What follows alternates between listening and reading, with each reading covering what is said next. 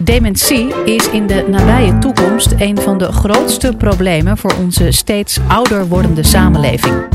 Klinkt misschien als ver van je bed, maar volgens hersenonderzoeker Erik Scherder kun je nu al iets doen om straks een gezonder brein te hebben. In deze podcast geeft hij antwoord op de vraag: gaat je geheugen kapot als je te veel voor je computer hangt? Dit is de Universiteit van Nederland.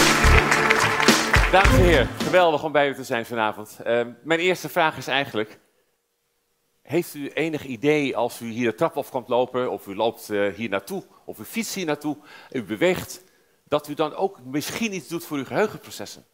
U moet even reageren. Wie denkt dat? U moet even hand opsteken. Wie denkt dat? Dat als u beweegt, dat u iets doet voor uw geheugen. Nou, dat is niet veel, hè? een klein groepje, maar lang niet iedereen. Nou, daar gaat het over, over dit college, over bewegen en geheugen. Misschien is dan mijn tweede vraag aan u. Kent u de beweegnorm in Nederland? Wie? Waar moeten we al voldoen om aan de beweegnorm in Nederland te kunnen voldoen? Wie roept er wat? Ja? 20 minuten? Half uur per dag? Vijf dagen? Zijn wel eens mensen zeggen vijf dagen per week.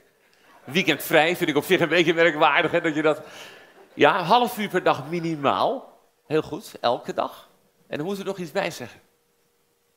Iets heel, iets heel essentieels. Wat, wat ontbreekt er nog? Ja, een bepaald tempo, ja. Aan één stuk door. Dat is in ieder geval zo. Dus mensen vragen wel eens, kan het ook zes maal vijf minuten zijn? Antwoord is nee. Het moet een half uur zijn, zeker, minimaal. Maar dan moet er nog iets bij zeggen, namelijk matig intensief. Ah, dus u moet eigenlijk voelen een hartactie. U moet voelen dat het systeem wat doet. De Engelse literatuur zegt wel een beetje sweating. U moet een beetje zweten. Dan is mijn vraag natuurlijk vervolgens aan u. Moet een beetje in interactie komen. Dat is natuurlijk het leukste. Wie van u heeft vandaag een half uur achter elkaar bewogen, matig intensief? Nou, wie? Dank u, dank u. Ja, dat is verontrustend. Voelt u met me mee, dames en heren? Als u gelooft in de relatie tussen geheugen en bewegen, en u ziet dat een heel klein uh, percentage van u eigenlijk het vandaag gehaald heeft. Heeft u enig idee hoeveel mensen in Nederland het halen? Die beweegnorm, hè? Half uur per dag. Valt toch nog mee? Ongeveer 40% haalt het. Valt echt mee, hè? Maar 60% haalt het niet. En dat is wel heel zorg. En weet u wat, weet je wat er, hoe dat zit in het dagelijks leven? Ik weet niet, u bent misschien met de trein gekomen. Ik ga heel veel met de trein. En wat zie je dan op het station bijvoorbeeld? Wie staan er allemaal bij die roltrappen? 70%, 80% van u staat bij die roltrappen. Ik ben vaak de enige die de trap oploopt. Ik zie mijn geliefde studenten naar de vuur lopen. Metro liefst in de VU. Het is niet zo. Het is nog net tot de VU, hè. Ik weet niet of u kent Amsterdam. Maar dan zie je, nou, men shokt dan zo, hè. Naar achter, echt rijen lang. Naar de VU. Vervolgens bij de liften, hè. Komen een half uur te laat op college. Ja, maakt niet uit. Maar als je maar niet trap loopt. Dan zitten ze de hele dag op college. Zittend, hè. Zittend. Dan ga je dus naar huis. Iets lager in de houding.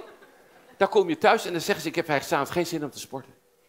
Nee, dat is logisch dat je geen zin hebt om te sporten. Want wat heb je gedaan met het brein? U herkent het, hè? Brein. Dit is de voorzijde, frontale lob.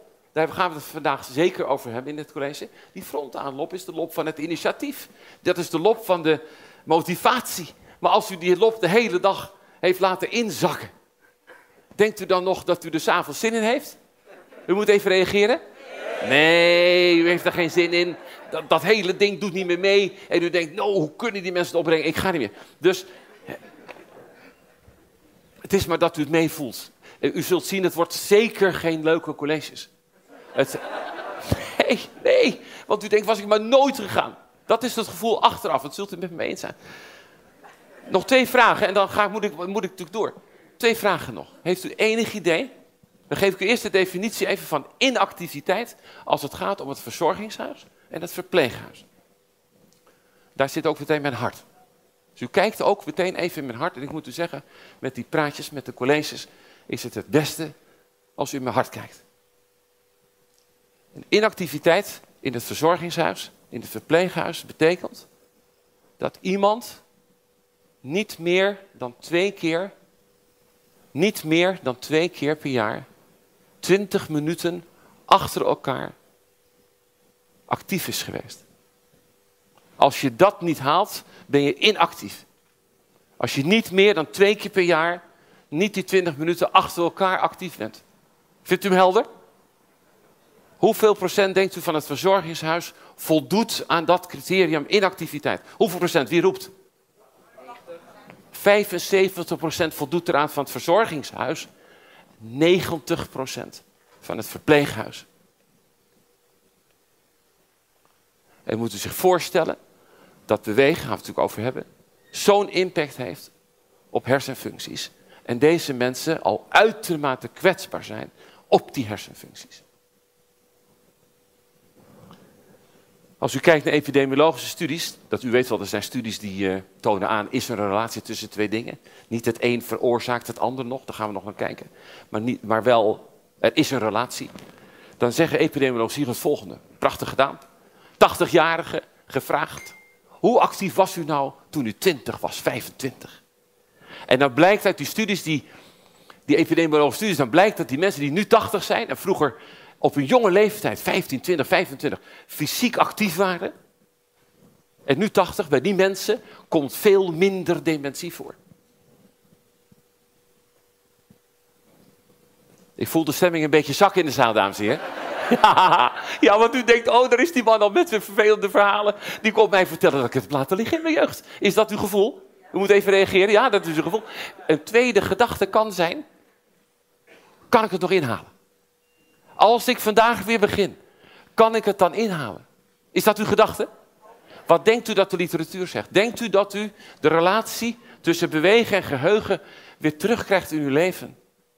Als u weer begint met bewegen, ongeacht de leeftijd. Hè? Wat denkt u dat de literatuur zegt?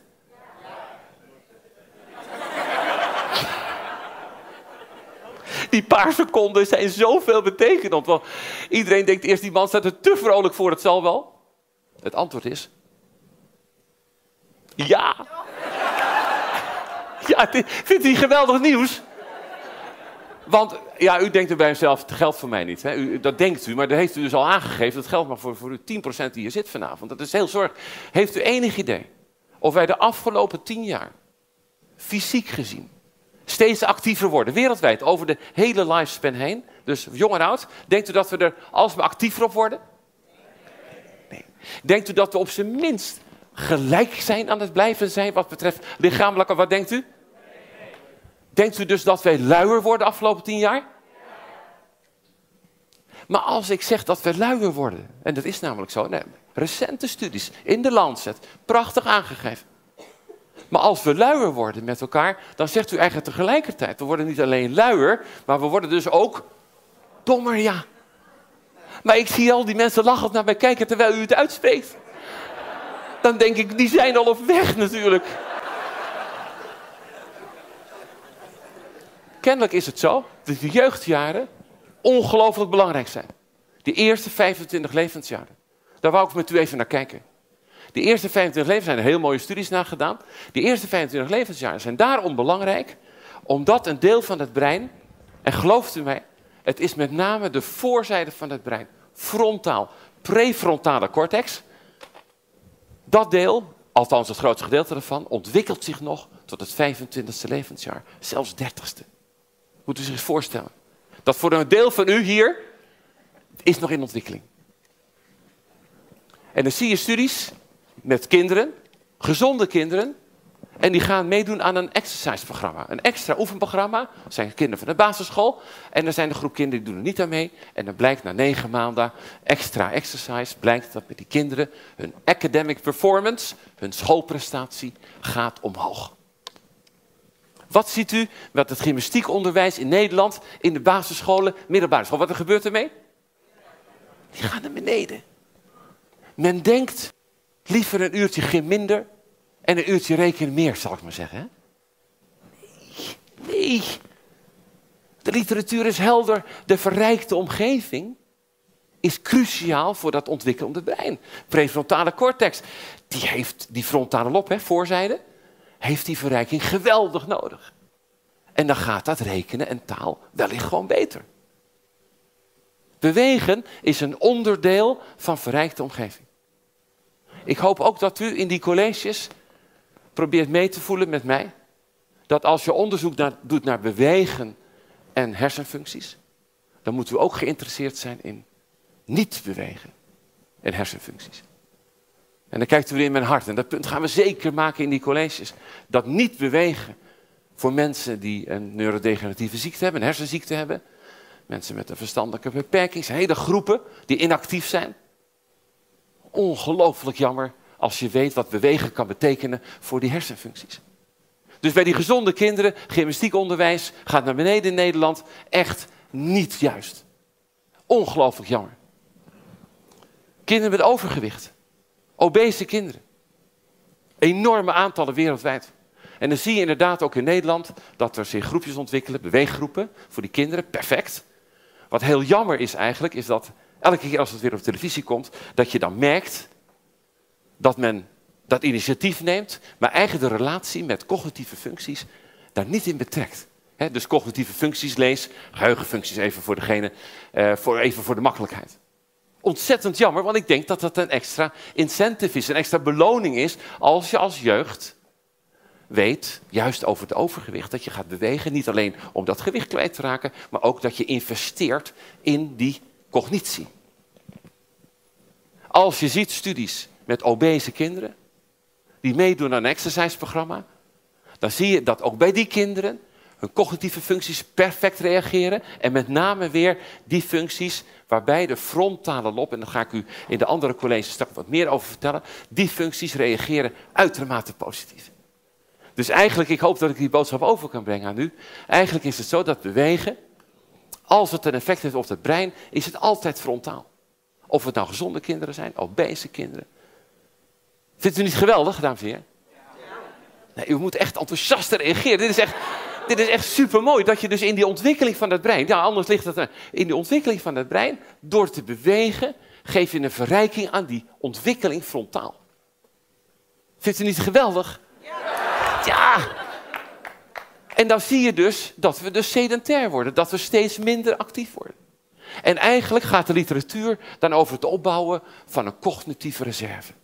In die eerste 25 levensjaar. En als u het goed doet, dan wordt u er later voor beloond, want u heeft die reserve opgebouwd. Als u mij zou vragen, geef eens literatuur voor het weekend. Zeg, ach, lees wat over cognitive reserve.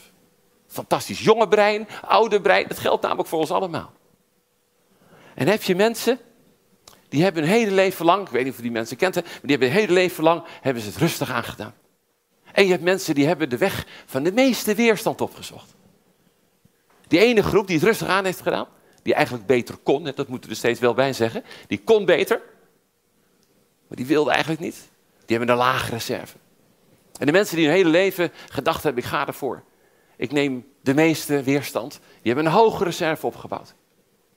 En dan zie je wat die, bij prachtige studies, komt er een ziekte in, je bent op leeftijd gekomen. En dan zie je dat die mensen met die lage reserve, die gaan eerder down dan die mensen met die hoge reserve. Die blijven hoger lopen in die curve. Kunt u zich voorstellen als ik het zo zeg? u moet het thuis niet proberen, maar dat denk ik dan bij mezelf. Die mensen met die lage reserve, die pakken dus morgens hun cortex, dat is de schors, de buitenkant, pakken ze vast. Probeer het niet, het kan niet hoor, maar eh, je pakt het vast en die leggen dat thuis op tafel. En die gaan naar hun werk. En die hebben een heerlijke dag, namelijk niet nagedacht. Hè? En die doen alles met automatische piloot. Kunt u zich een beetje die mensen voorstellen, die op dit niveau ongeveer, ruggenmerg zeggen wij. Hè? Lekker de hele dag, niet nagedacht, topdag gehad. Hè? En dan kom je s'avonds thuis, pak je je schors, hup, er weer op. Nou, dan denk je weer na. Die mensen betalen dus een enorme rekening. Ik ga een beetje afronden dit college. U hoort mij dus eigenlijk zeggen, als je ouder wordt, er is heel veel ondersteuning voor. De weg van de meeste weerstand. Als je eens kijkt naar doorwerken, naar 67 jaar. Kunt u nog herinneren, die hele discussie in het katshuis, dames en heren? Kunt u nog herinneren? Van wie denkt u trouwens dat ze dat idee hadden? Van doorwerken? Ja! Nou, het, het, het, het, had gekund, want het is natuurlijk helemaal in mijn hart. Hè? En dan hoor je niks anders dan kommer en kwel. Hè? Doorweg, je komt altijd die straten maken weer met die rugpracht. Dat geloof ik ook wel. Hè? Maar nee, je moet niet denken aan een leven zonder zorgen. Ja, u hoeft ze niet te creëren, maar als ze er zijn, los ze op. De weg van de meeste weerstand. Als u al bij uzelf heeft gedacht, ik ben nog maar een paar jaar, hè, dan ga ik lekker achter de hengel. Nou, elke vis die u eruit haalt, 500.000 zenuwcellen eraf, hè, dat u dat even realiseert.